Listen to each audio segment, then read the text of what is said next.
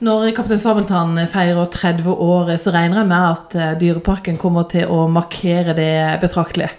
Ja, vi gjør det. Det er flere ting som skal skje, men kanskje det sånn mest monumentale vi gjør det at vi bygger ut eh, Sabeltanns verden og, og, og, lager en helt ny opplevelse. Mer fokus på aktivitet inn i hele Sabeltanns verden, og ganske stor utvidelse sånn rent fysisk også. Det er mye penger som skal investeres i løpet av de neste årene? Ja, vi sier vel at vi skal i løpet av en femårsperiode bruke opptil 50 millioner kroner. Vi bruker vel sånn drøyt 15 allerede i år. Og eh, har store planer om å revitalisere hele, hele, dette universet. Vi vet jo det er noe av det mest populære vi har her i Dyreparken, så nå følte vi det var på tide å, å pusse opp litt. Og så er det en fin anledning også når, når kapteinen sjøl fyller 30 år. Men er det ikke sånn at eh, Kaptein Sabeltanns verden på en måte er bra nok? For det er jo en fantastisk verden.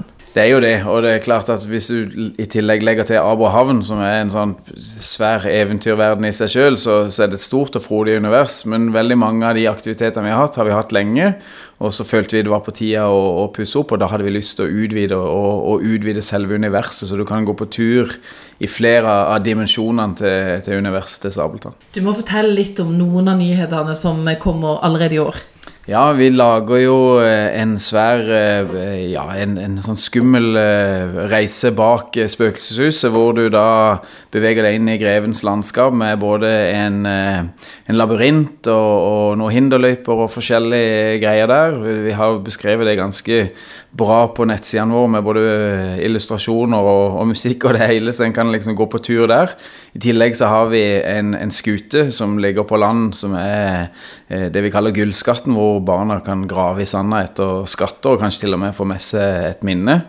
Og så er det jo en ting som jeg syns er veldig gøy at vi gjør. Vi, vi lager Kaptein Sabeltanns smokarium. Og Smokarium er jo der hvor eh, alle de små sjørøverbarna leverer smokken sin for aller siste gang.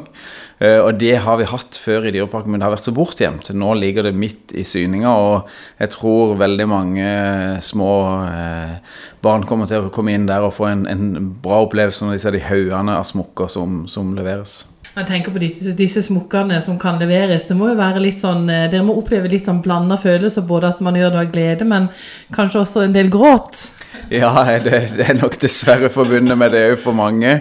Eh, men det, det, det, er en sånn rar ting. Hvis du spør Terje Formoe, så har han mottatt ja, kanskje hundretusenvis av smokker opp igjennom. Og eh, det som er litt spesielt, er at nå hadde vi Dyreparkens serviceskole her for et par lørdager siden. Altså de som skal jobbe hos oss i sommer.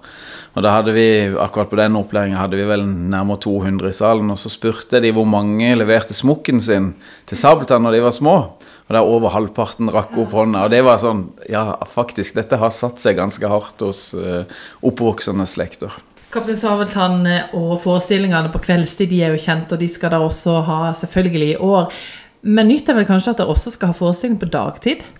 Ja, det kommer jo til å være et eh, vi, vi, er, vi, er, litt i tvil om hva vi skal kalle det. Om vi skal kalle det show eller opptrinn eller innseiling.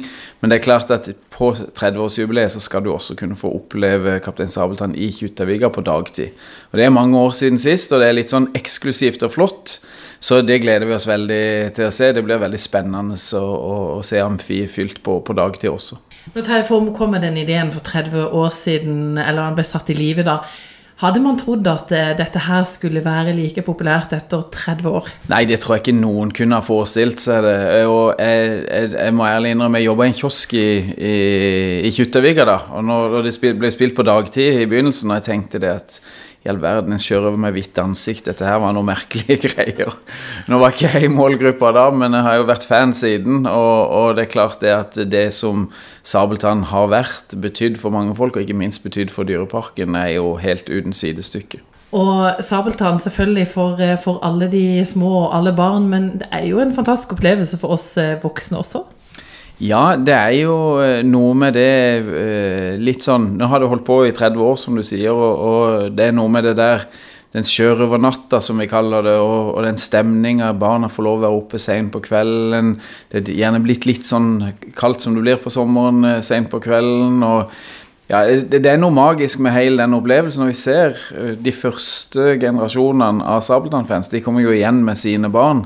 Og det har blitt en sånn tradisjon eh, eh, blant de som har vokst opp i den perioden. da. Dere investerer nærmere 50 millioner kroner i eh, Kaptein Sabeltanns verden. Det betyr at dere har troa på at dette kommer til å være noe vi vil ha også i mange år framover? Ja, det har vi definitivt. Og vi ser jo det at det er jo, det er jo flere ting som, som peker i, de rett, i den retningen. Og, og, det ene er jo at det har vart så lenge som det har. Det har overlevd mange av de digitaliseringstingene som mange andre konsept har, har falt litt for. Vi, vi, er med på å, å, dra det opp hvert eneste år med et sånn momentum på forestillinger. Men først og fremst så er det jo fordi Terje Formoe er fantastisk flink til å hele tida tenke på nye ting og, og være aktiv med å utvikle både figuren og historien og ideen. Så vi tror jo på at dette absolutt kommer til å, til å leve videre.